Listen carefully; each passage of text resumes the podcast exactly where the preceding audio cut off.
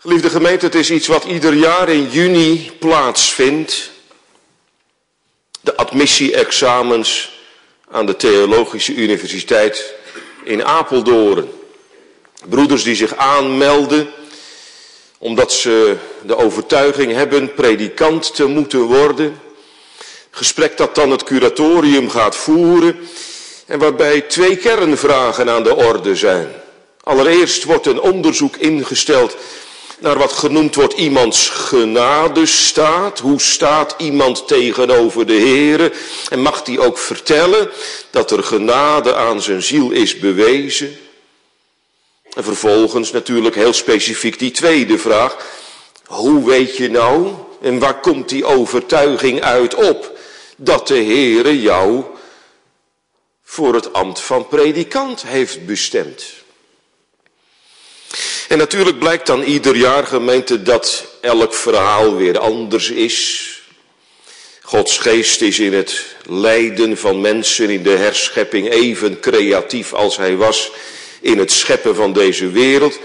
En toch, vooral ook als dat moment weer eens mag komen dat een curatorium de roeping overneemt en herkenning heeft, dan blijken er inderdaad bij alle verschillen die er zijn bepaalde herkenningspunten in iedere roeping terug te komen.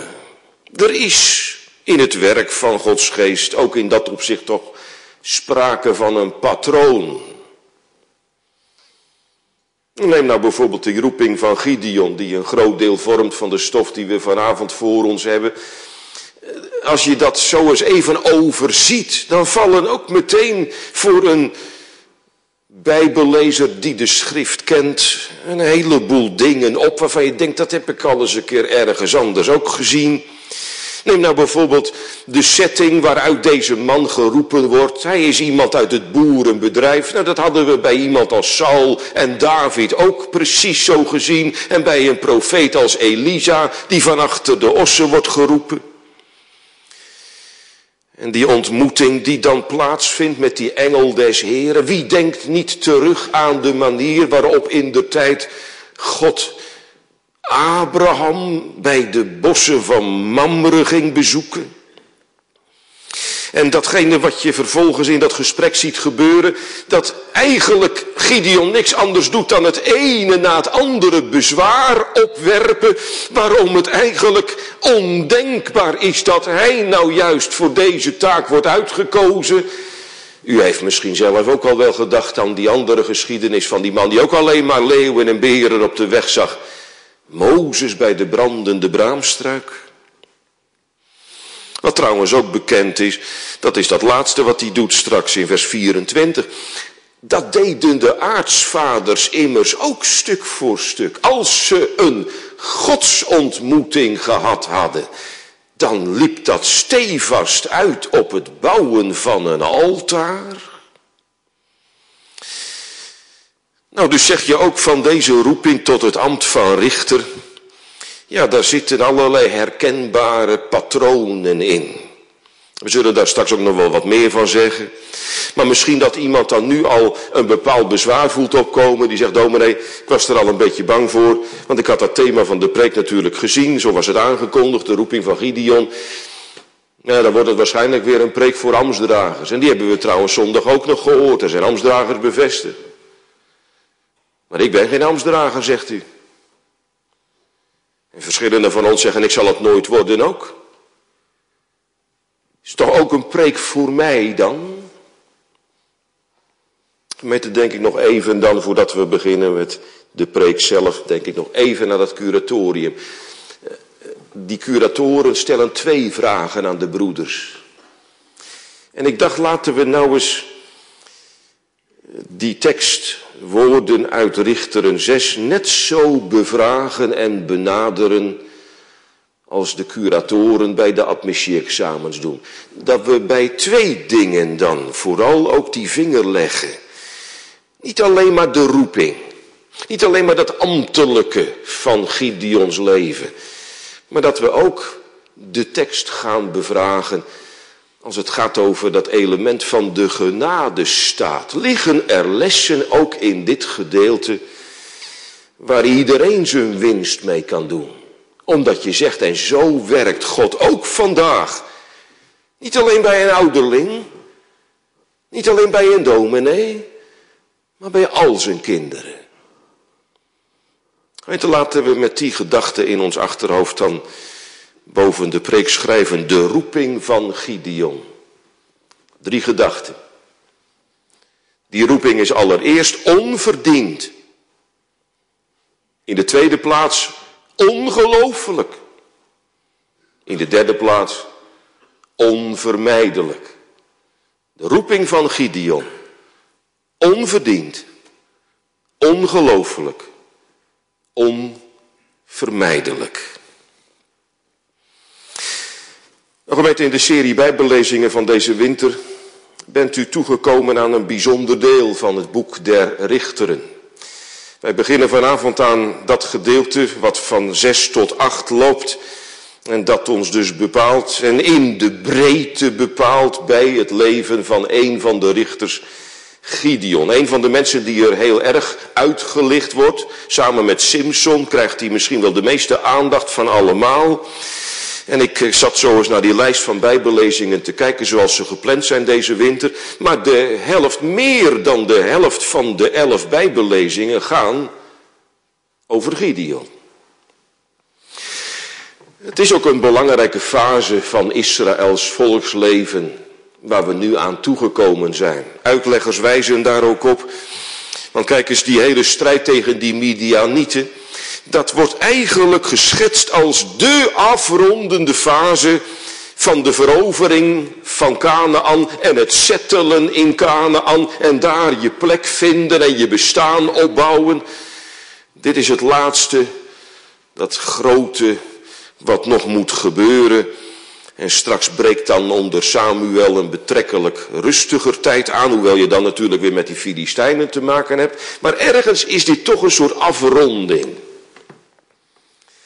En die strijd die Gideon tegen dit volk vooral zal gaan voeren, Midianieten, die wordt ook nogal lang in herinnering gehouden in het geheugen van het volk Israël. Als u dat nog eens wil nakijken, dan moet u daar nog eens het negende hoofdstuk van het boek Jezaja op naslaan. Dat bekende stukje over een kind is ons geboren en een zoon is ons gegeven. Als dan dat heil van God in Christus in de toekomst wordt verwacht, dan wordt daarbij terugverwezen naar deze hoofdstukken. Gelijk als ten dagen der Midianiet. Zo is deze strijdgemeente die Gideon te voeren heeft, niet alleen maar een monument van Gods verlossing voor Israël van toen, maar ook een profetie van wat God in de volheid des tijds in Christus zal gaan schenken. Ja, zover is het natuurlijk vanavond nog niet, want we zitten nu nog in het begin van Gideons geschiedenis. Die ingeleid wordt met een formule die u inmiddels, helaas moet ik zeggen, bekend gaat voorkomen. Dat is wat je zou kunnen noemen, misschien is dat van de winter al zo genoemd, het refrein van Richteren. 1a, maar de kinderen Israëls deden dat kwaad was in de ogen des Heren. Zo wordt het in het algemeen in hoofdstuk 2 al gezegd, als de hele richterentijd overzien wordt. Zo wordt de bediening van Otniel en Ehud en van Deborah ingeleid. Zo zal later na de geschiedenis van Gideon het verhaal over Jefta en Simson beginnen. Het begint met wat je dan ook kan noemen de repeterende breuk van Israëls afval van God. En dat kun je trouwens letterlijk en figuurlijk een repeterende breuk noemen. Want wat ze doen is breken. Het verbond wat God met hen heeft opgericht, verbreken ze keer op keer. We komen er straks achter, dat staat dan vlak na onze schriftlezing, in vers 25, dat het dit keer weer gaat om dat bekende probleem van de Baalsdienst. In dat vers wordt trouwens ook nog een bos genoemd wat Gideon moet gaan afbreken. Misschien weet u dat, maar dat bos is altijd een symbool voor de dienst aan Astarte. Baal en Astarte, ze hebben ook nu weer vat gekregen op het volksleven van die tijd. En uh, menselijkerwijs gesproken ook nog wel een beetje te begrijpen misschien. Als je nou helemaal niks zou weten van de geschiedenis en je zou God niet kennen en je zou alleen maar op de reclame van Baal afgaan, dan zeg je en daar gaan we voor. Wat een veelbelovende God moet dat zijn. Wat spiegelt hij ons van alles voor? Want dat is de God van de vruchtbaarheid. Mensen, beesten, akkers, alles zal bloeien en groeien. En als het gaat over vruchtbaarheid trouwens, je mag je ook nog eens uitleven van Baal en Astarte. Als je de tempels bezoekt in het bos, dan staan de tempelprostituees voor je klaar. Wie zou er van nature niet voor kiezen? Maar wat is de vrucht ervan? Zo gaf hen de Heere over in de hand van onder andere dan die Midianieten. Mensen uit het oosten, nomaden, zonder vaste woon- of verblijfplaats, tentbewoners, maar die op hun kamelen komen aansnellen en die ieder jaar uitgerekend als net weer de oogst is binnengehaald, alles en alles wegplunderen. Vers 6 zegt het resultaat ervan is dat Israël zeer verarmd raakt. En uit de context leid ik meer dingen af die daar het gevolg van zijn. Ze zijn niet alleen maar verarmd en berooid, ze zijn ook kennelijk zonder kracht om zich te verweren. Bovendien heerst er een sfeer van moedeloosheid. Als straks die engel des Heren met Gideon gaat spreken, dan is de eerste reactie die je in vers 13 van Gideon hoort, een van grote moedeloosheid. Allemaal vrucht van het verlaten van God. Zullen we die les ook ter harte nemen, gemeente? Er valt veel te leren vanavond. Maar leren we hier ook weer eens van wat nou eigenlijk het loon op de zonde is. Er zijn jongeren vanavond aanwezig. En jullie zijn niet alleen maar vatbaar voor de verleiding van de reclame en alles wat je wordt aangeboden met of zonder beeldschermen. Het is allemaal even prachtig om te zien. Maar zonde laat een mens berooid achter. Het roept niet alleen maar Gods toren op. Het doet niet alleen maar tekort aan zijn heerlijkheid en zijn eer. Het is ook voor een mens zelf de weg naar de dood. Denk aan de verloren zoon en de varkens. Denk aan die verslaafde in het laatste stadium van zijn bestaan. Denk aan zoveel helden en sterren uit de wereld. Hoe loopt het met ze? Nou, wat dat betreft, gemeente, heb ik u wat de mensen aangaat, dus ook vanavond weer geen goed nieuws te brengen. En alles wat ik u al over Israël in die tijd verteld heb, moet ik eigenlijk nog één ding toevoegen, wat de tekening eigenlijk nog somberder en nog zwarter maakt. En dat was wat ik in vers 6 tegenkwam, het slot van vers 6. Toen riepen de kinderen Israëls tot de Heere. Iemand zegt, dat snap ik niet, dominee. Dat is toch juist mooi? Dat ze gaan bidden. Dat ze gaan roepen. Heere, help. Dat zou mooi geweest zijn, gemeente, als het hoofdstuk niet met vers 1 was begonnen. Heb u een dingetje nog niet gezegd wat in vers 1 staat, maar die laatste twee woorden van vers 1, laat dat even op u inwerken. Dat de Heere hen overgaf in de hand van de Midianieten. Hoe lang heeft dat geduurd?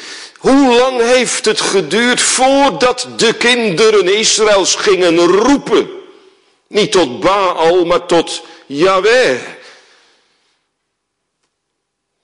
Dat gebeurde niet na drie jaar ellende. Dat was niet toen ze voor de vijfde keer achter elkaar kwamen om alles mee te roven. En het zesde jaar weer niet. Daar heeft God zeven jaar op moeten wachten. Wat is een mens hart leers, gemeente? Zingen er vaak van, hij die door de nood gedreven zich tot u om troost begeeft. Maar op die plek is een mens niet zomaar gemeend. Ook niet door het eerste de beste ziekbed. Ook niet door een ingrijpend sterfgeval. Ook niet door een faillissement. Als het er dan door genade uiteindelijk toch van komt dat een mens met die nood naar de hemel gaat roepen, dan is het inmiddels wel voor iedereen volstrekt duidelijk, gemeente, waarom we het eerste punt van de preek deze titel meegaven. Wat er nog gaat komen in Richteren 6 is in ieder geval, daar bent u met mij eens, onverdiend. Alleen, en ik zei, er valt veel te leren vanavond.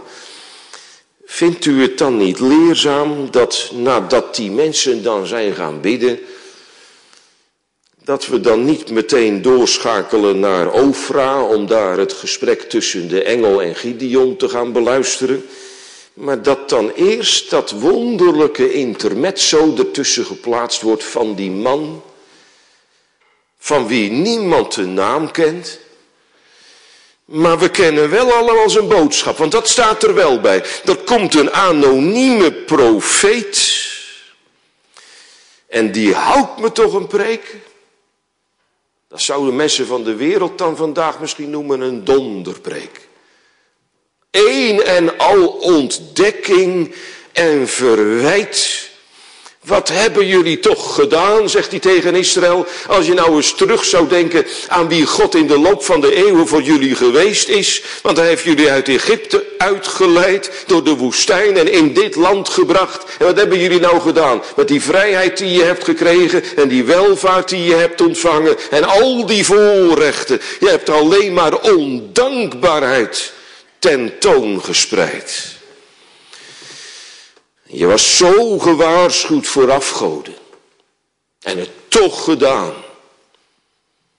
Nou, dan is eigenlijk alleen maar uitgekomen, zegt die profeet. Wat de Heere jullie al lang had gezegd dat er zou gebeuren.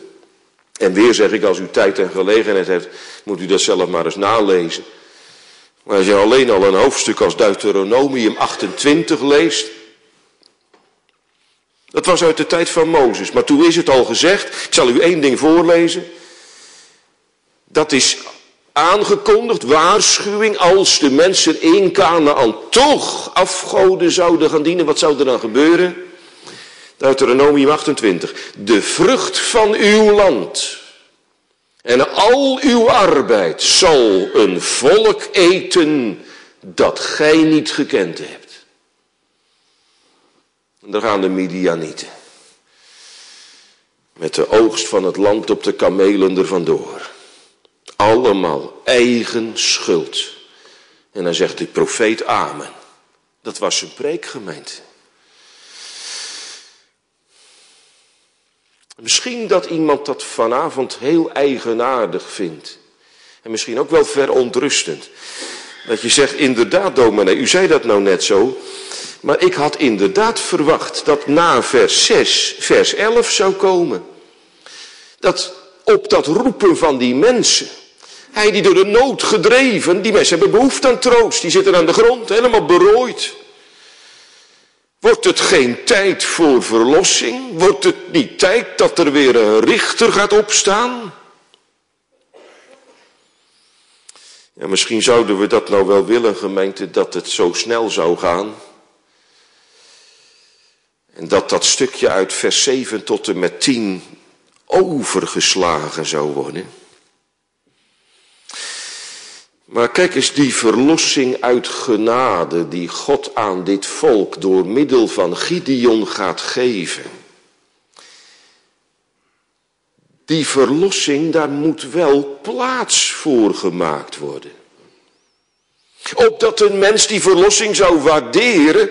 Opdat een mens zou verstaan wat genade is. Dat die genade iets is wat je onverdiend krijgt.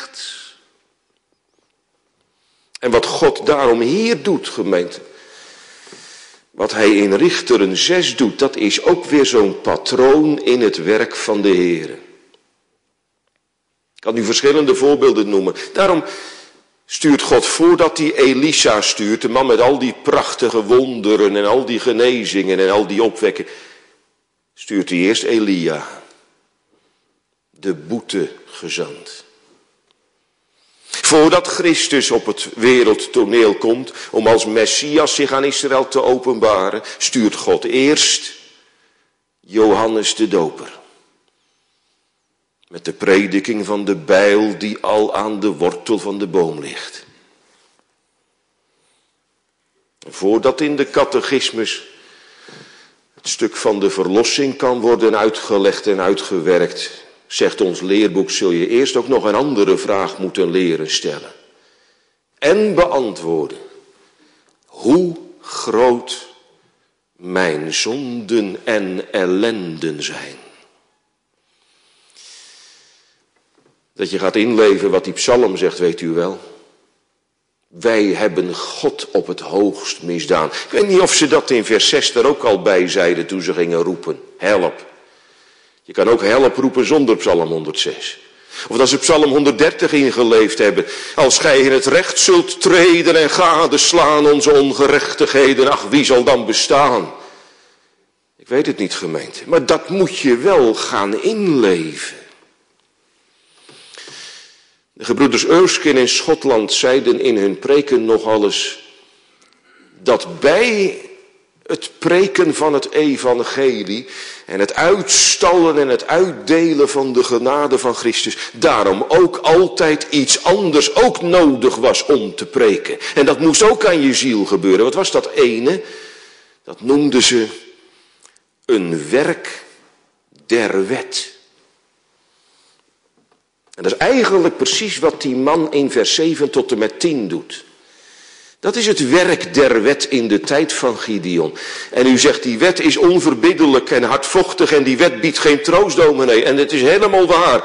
Wat u in vers 7 tot en met 10 vindt, biedt geen enkel perspectief. Die man zegt veel eerder amen dan je zou wensen of dat je zou denken. En het is niet de meest aangename prediking natuurlijk, gemeente, als er eens een keer zoiets tegen je gezegd wordt als door die anonieme profeet gezegd wordt. Het is onaangenaam om aan te horen. Maar ontloop het toch maar niet. En wuif het ook maar niet weg. Want voordat God Gideon stuurt, stuurt hij deze man met dezelfde beste bedoelingen, opdat er ruimte zou komen in het hart voor zijn verlossing. En dat de mensen ook nog zouden leren, niet alleen maar bidden uit nood, maar bidden uit schuld. Niet bidden als een slachtoffer, en zeker niet als een rechthebbend mens, maar als een zondaar door schuldbesef getroffen en verslagen. Nee, als we het zo bekijken, gemeente, dan is het eigenlijk een zegen. Die preek van die onbekende profeet. En weet u waarom ik het trouwens ook een zegen vind? Hoe die preek is en wanneer die preek ophoudt. Ik zei net, hij houdt eerder op dan je zou wensen. Maar nou wil ik u wat anders zeggen. Hij houdt eerder op dan gekund had. Als je het vergelijkt met andere profeten. En dan is het een zegen dat die man hier al stopt met preken. Ik bedoel maar, als je nou eens dit soort preken, hè, die, die boeteprediking, bijvoorbeeld bij een man als Jeremia gaat nalezen. Dan houdt Jeremia niet op bij vers 10. Die gaat dan door en dan volgt op al die verwijten en heel die tekening van die goddeloosheid. Dan volgt de aankondiging van het oordeel. Nou, dat had hier ook gekund. Nou is het afgelopen. Nou, nou zijn jullie te ver gegaan. Nou is het geduld van God ten einde. Maar deze stopt voordat hij dat kan gaan zeggen. En dan het wonder. Gaat de camera van de ene profeet naar de andere figuur. En zoomt de Bijbelschrijver ineens in op een onoogelijk dorpje ergens in Manasses grondgebied. Ofra. Daar zit een jonge man op een vreemde plek bij een wijnpersbak iets te doen wat je normaal niet bij een wijnpersbak doet, maar ergens anders. Hij zit koren te dossen. Het is veelzeggend dat hij dat daar doet. Het is een tactische zet van de man, want die vijanden die inmiddels overal met die kamelen rondrennen, die zullen vast niet bij een wijnpersbak een hoeveelheid graan verwachten. Dat zal er wel achter gezeten hebben. Maar veelzeggend is ook de naam die deze man heeft. Hij wordt van meet van Gideon genoemd. Weet je wat dat betekent, Gideon?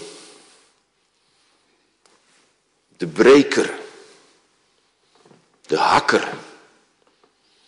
En die naam, ik stel me dat zo voor, dat hij die wel te danken zal hebben gehad aan de geschiedenis die volgende keer dominee Polinder met u zal behandelen. Als die die eerste richterdaad stelt en dan s'nachts dat hele bos van Astarte en dat altaar van Baal gaat omhakken en omwerpen.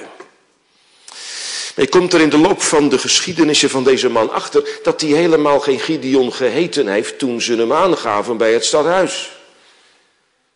Oorspronkelijk heette die namelijk Jerubaal. En die naam betekent laat Baal voor zijn zaak opkomen. En die naam had Gideon dus van zijn vader en moeder gekregen. Dat is wel triest gemeente. Die Joas, die blijkt, u weet dat natuurlijk zelf al wel, die blijkt een vooraanstaande positie gehad te hebben in dat Ofra waar we hem aantreffen. Een soort eh, stamhoofd of een dorpsoverste of zoiets. Maar het is geen man die zijn dorpsgenoten in allerlei opzichten op het goede spoor is voorgegaan. Hij heeft tenslotte de Baaldienst in dit dorp geregeld. Wat een wonder is dat dan dat we hier in onze geschiedenis een van de zoons van die Joas tegenkomen, die als die een engel des Heren ontmoet en die naam van de Heren valt ook, die kent hij en die gebruikt hij zelf ook. En kennelijk, je mag dat uit de omstandigheden opmaken, kennelijk dient hij en vreest hij de Heren ook. Deze jonge man, hij is tenslotte ook nog de jongste van de zoons van Joas, zegt hij ergens in dit gedeelte. Hij krijgt een hele wonderlijke boodschap. Nou gaat God onverdiend die verlossing zenden. Ze hadden erom geroepen, maar wie rekent er nog op? Maar nou gaat God het toch doen. En bij die verlossing wordt hij ingeschakeld. In vers 14 staat het, gij zult Israël uit der Midianieten hand verlossen. En in vers 12, kon je het trouwens al horen aankomen. Die strijdbare held, zo wordt hij aangesproken, de Heere is met u. Hij wordt al aangesproken op het ambt wat hij straks zal gaan vervullen.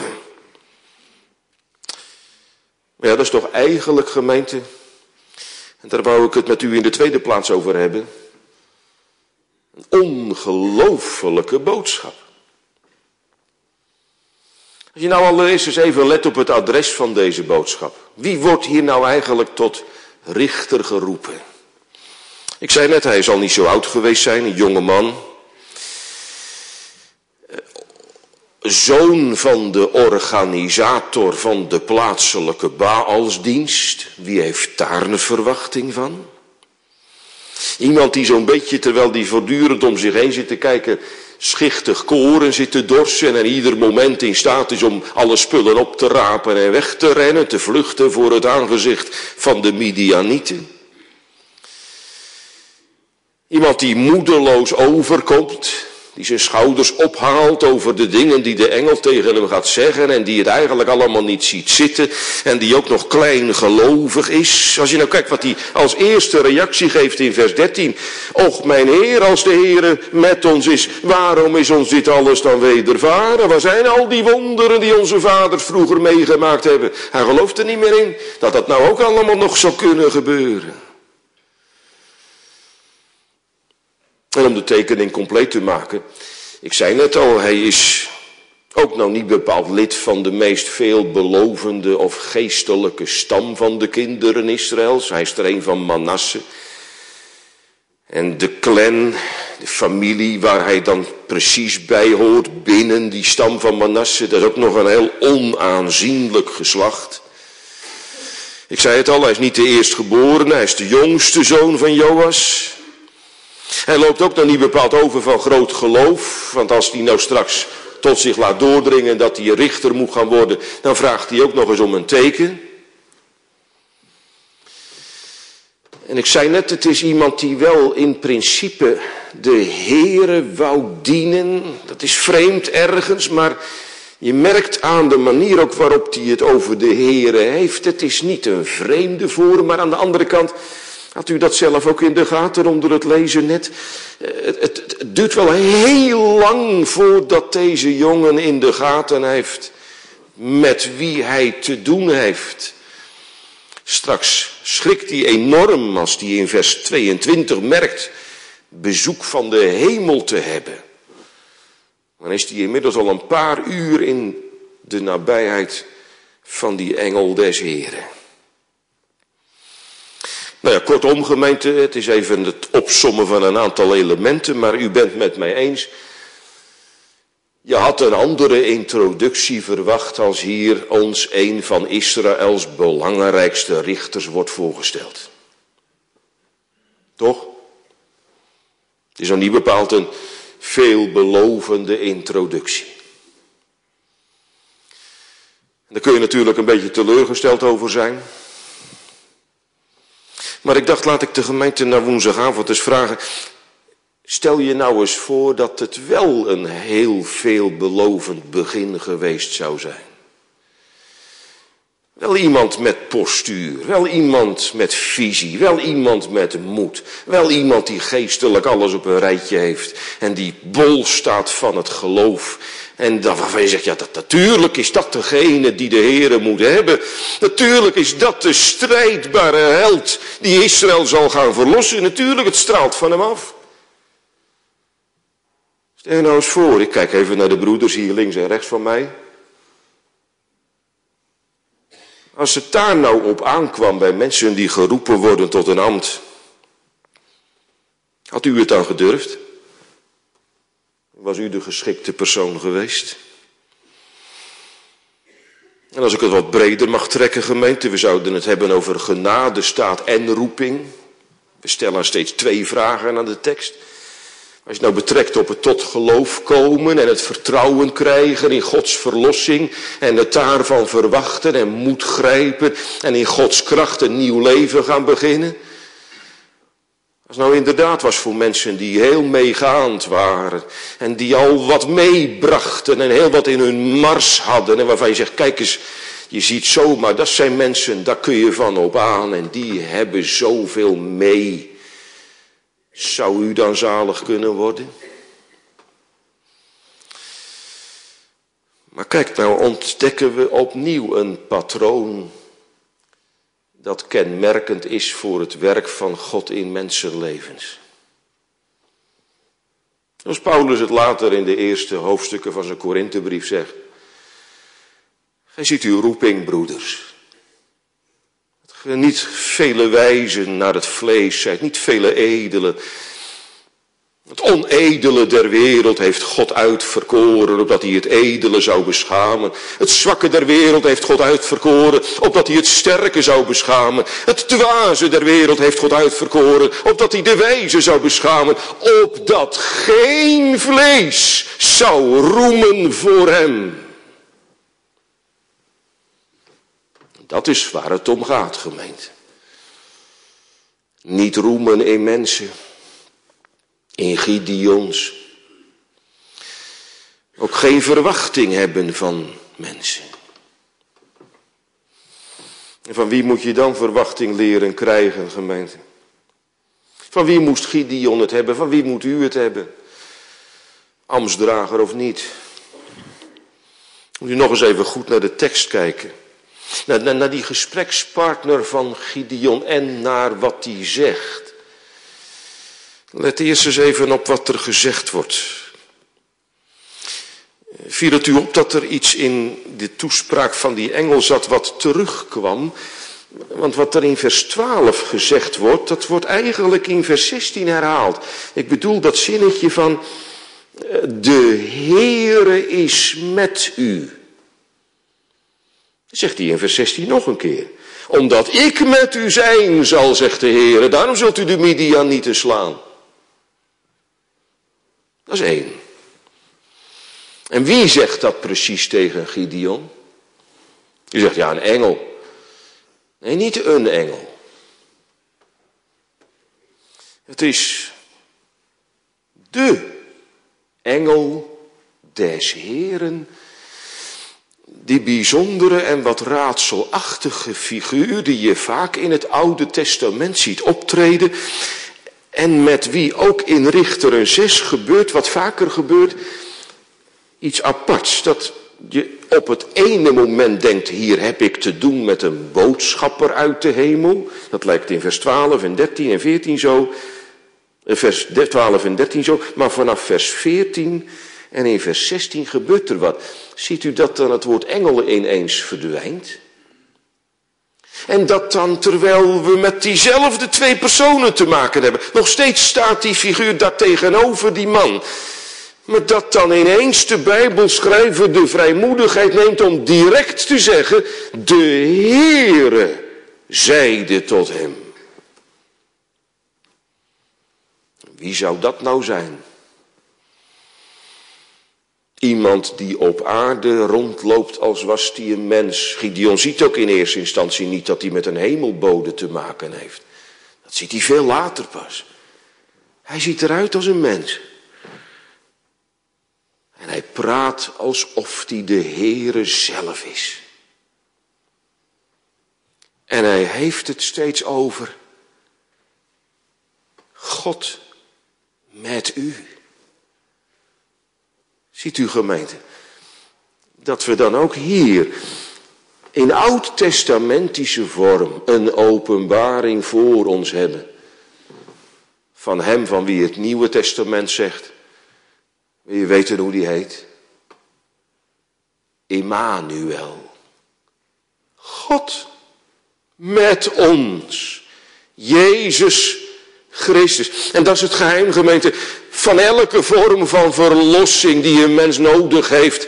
Het geheim van iedere roeping die een mens leert opvolgen. Of het nou de roeping is van het evangelie, dat roept tot bekering en geloof. Of je krijgt een taak in dat koninkrijk van God. En je wordt geroepen een strijdbare held te zijn. Is dat omdat ik zo strijdbaar ben, omdat ik een held ben, omdat ik het zo goed gedaan had? Nee, het is omdat Hij eraan te pas komt. Omdat Christus zelf in het strijdperk treedt en zijn werk doet als zaligmaker van verloren mensen. Maar als die mensen door hem vergeving en verzoening ontvangen en vervolgens vernieuwing van het leven krijgen en ze krijgen ook nog een taak in het koninkrijk van God. En als en als ze dan aan die roeping beginnen, weet je wat ze dan zeggen? Dan kijken ze naar hem. En dan zeggen ze wat Luther zei.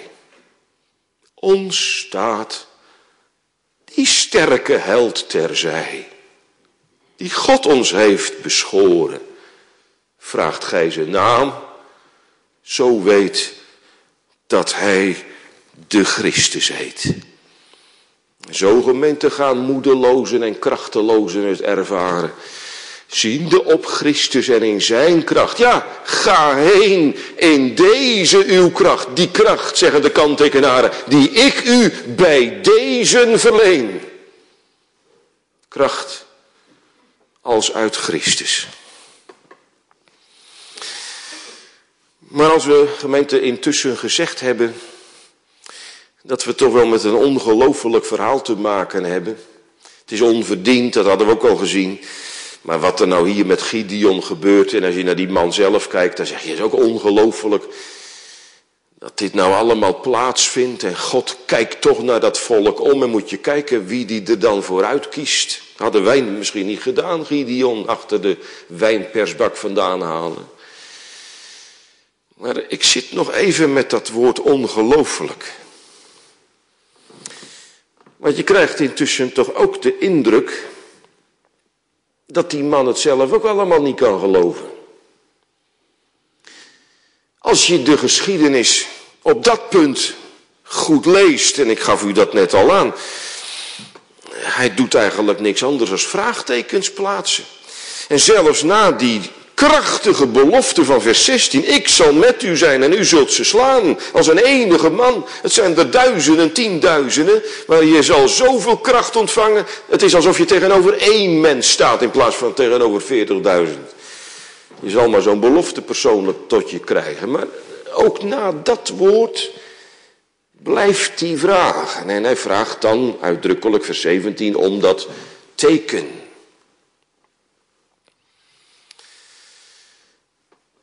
Wie bent u? Ja, ik heb wel een idee wie u bent, maar laat ik nou een teken mogen krijgen dat gij het zijt die met mij spreekt. Hij wil zekerheid hebben, maar dat heeft hij dus tot en met vers 16 nog niet gekregen. Is dat, dat is een goede vraag van u, is dat nou ongeloof? Vanwege het ongelofelijke van dit bezoek? Ik geloof het niet, gemeente. Het is wel klein geloof, jawel. En het is moedeloos, het is ingezonken, maar het is toch een vorm van waar geloof wat je bij Gideon aantreft. Kan waar geloof dan ook om een teken vragen? Ja. Psalm 86. Doe een teken mij ten goede dat mijn haters in hun woede mogen zien hoe tot hun spijt gij mij redt en mij bevrijdt. En daarom hebben Gods kinderen ook aan avondmaal behoefte en mogen ze ook nog wel eens op hun doop pleiten. Over tekenen gesproken. Ja, en weet u wat ik eigenlijk wel heel mooi vind? Je zegt het is klein geloof, maar die bevestiging waar Gideon behoefte aan heeft, die zoekt hij dan wel op de goede plek. Die zoekt hij bij de Heer. En nou ik er toch over nadenk, vers 17 is ergens toch wel een heel mooi vers. Ook omdat je in dat vers merkt, Gideon wil niet over één nacht ijs gaan. Die zal en hij moet per se weten, datgene wat ik nu te horen heb gekregen, die opdracht die ik nu heb ontvangen, ik moet zeker weten dat dat bij God vandaan komt. Dat gij het zijt die met mij spreekt. Want met wat mensen me aanpraten kan ik niet sterven. Met wat mensen aan meningen hebben kan ik niet de Midianieten tegemoet. Wat mij beloofd wordt en toegezegd wordt, dat moet bij God vandaan komen. Maar komt het dat ook? Is dat niet een mooi trekje gemeente van het ware geloof? Om maar weer een psalm te noemen.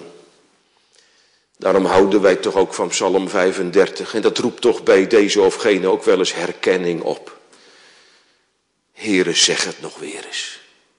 Zeg tot mijn ziel, ik ben uw heil alleen.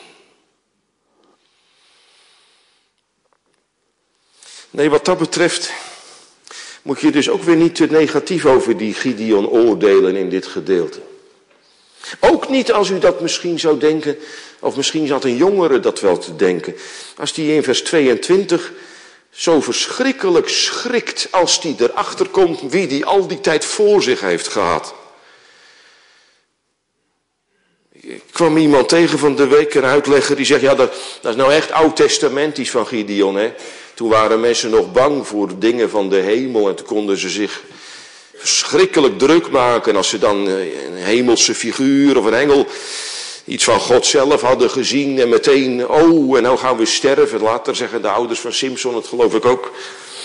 Echt oud-testamentisch achterhaald. Ja, dat hoef je het Nieuwe Testament hoef je niet meer zo te praten. Nee. Ik was het meer met die uitlegger eens die zei. Zo praat alleen iemand die geen weet heeft van Gods majesteit en heiligheid. Want wie echt een ontmoeting met God gehad heeft, laat het dan midden in het Nieuwe Testament zijn en met alle vormen van genade en barmhartigheid omringd. Maar dan hou je ook na ontvangen genade toch een diep besef van de grootheid met de, van de God met wie je te maken kreeg. En dan wordt het juist een wonder als zo'n God je toch roept en ook nog werk voor je heeft. Ja, en ik zei dat zou het derde punt zijn. Dan is die roeping van Gideon wel iets onverdiend en iets ongelooflijks, maar toch onvermijdelijk. En weer ga ik even met u terug naar wat Gideon allemaal heeft gezegd inmiddels tegen die engel. Ik zei al, hij heeft niks anders gedaan dan vraagtekens oproepen. Hij heeft niks anders gedaan dan bezwaren indienen, hindernissen opwerpen, de moedeloze klacht uit vers, 5, vers 13, de, de nietigheid die hij van zichzelf beleidt in vers 15. Wie ben ik nou eigenlijk? Wie is mijn familie? Ik kom nergens vandaan. Moet u mij hebben? Dat vragen om een teken, vers 17. En niet te vergeten, dat geduld van die engel op die proef stellen. Want het is allemaal wel aardig bedoeld natuurlijk, je hele maaltijdgemeente. Maar zou, zou u een engel zo lang laten wachten? Die zit daar maar onder die eik van Ofra en Gideon is maar bezig. Je moet de moed maar hebben. Maar intussen is het er allemaal om te doen omdat hij toch nog niet helemaal zeker is van zijn zaak. Die engel moet dat teken nog gaan doen. Straks gaat heel de zaak in rook op. En die engelgemeente, die blijft niet alleen geduldig wachten tot de maaltijd klaar is. Maar dat geduld viel mij al die tijd al op en u misschien ook wel. En laten we dat vanavond dus even samen bewonderen. Stel u nou voor dat u dat gesprek met Gideon had moeten voeren. Misschien was u er na twee, drie teksten wel mee uitgeschreven. Nee, die man is niet geschikt. Nee, laten we toch maar een ander uitzoeken. Die heeft zoveel vragen en, en, die ziet er zo tegenop. En die laat zich zo moeilijk overtuigen. En die heeft zo'n negatief zelfbeeld. En die is zo, uh, hoe lang had u het volgehouden? Maar hoe gaat dat gemeente als de Heer bezig gaat in het leven van een mens? In het leven van zijn kinderen, in het leven van zijn knechten. Moeten ze het vanavond ook beleiden? Heren, zo heb ik het wel eens iemand horen zeggen. U heeft na ontvangen genade misschien nog wel meer werk aan me gehad dan ervoor. En wat een geduld. En wat een doorzettingsvermogen, gemeente.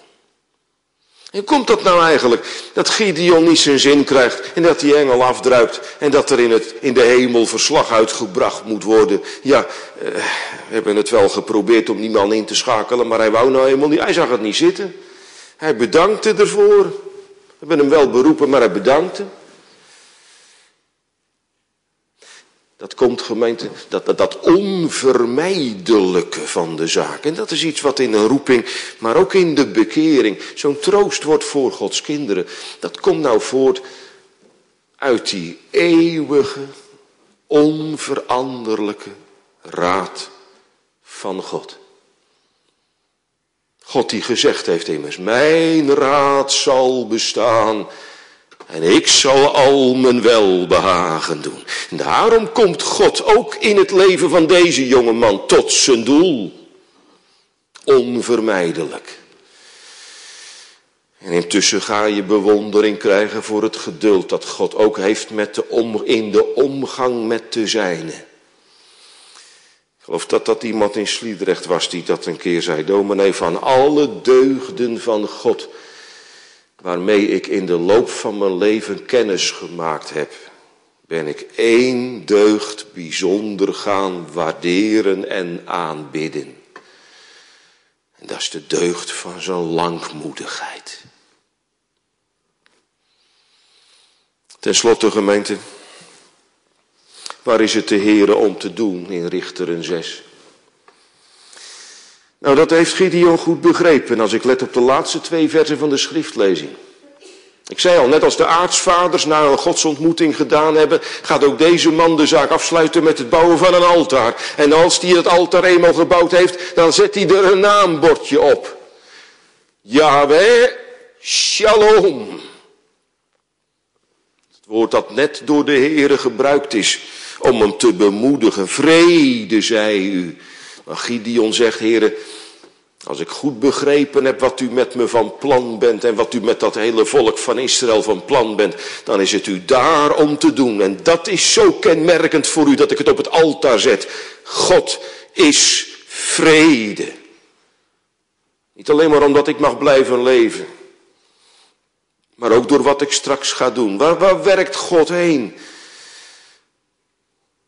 Naar de shalom. Waarom roept God mensen in zijn dienst? Waarom bouwt hij aan zijn koninkrijk? Waarom brengt hij zondaren tot bekering? Waarom is hij bezig om een schare bijeen te gaan brengen die straks op een nieuwe aarde onder een nieuwe hemel hem eeuwig zullen dienen? Wat heerst er straks in die nieuwe schepping van God? Shalom. Dat wat we in het paradijs verloren hebben en dat wat alleen maar vanwege Christus teruggekregen kan worden. Christus, die Jezaja in dat stuk wat ik u net noemde zegt, hij is de vredevorst. En waarvan Paulus zegt, hij is onze vrede. Ja, waar Paulus ook van zegt, hij is in staat om op het gebed een vrede te schenken die alle verstand te boven gaat. Daar werkt God naartoe, gemeente. Door Gideons richterwerk, door Christus borgwerk.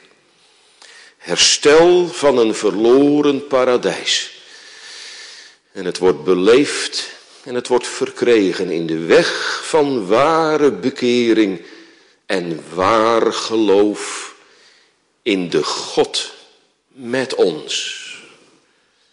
Daarom moest er vanavond ook over gepreekt worden. Merk op, mijn ziel. Wat antwoord God u geeft. Amen.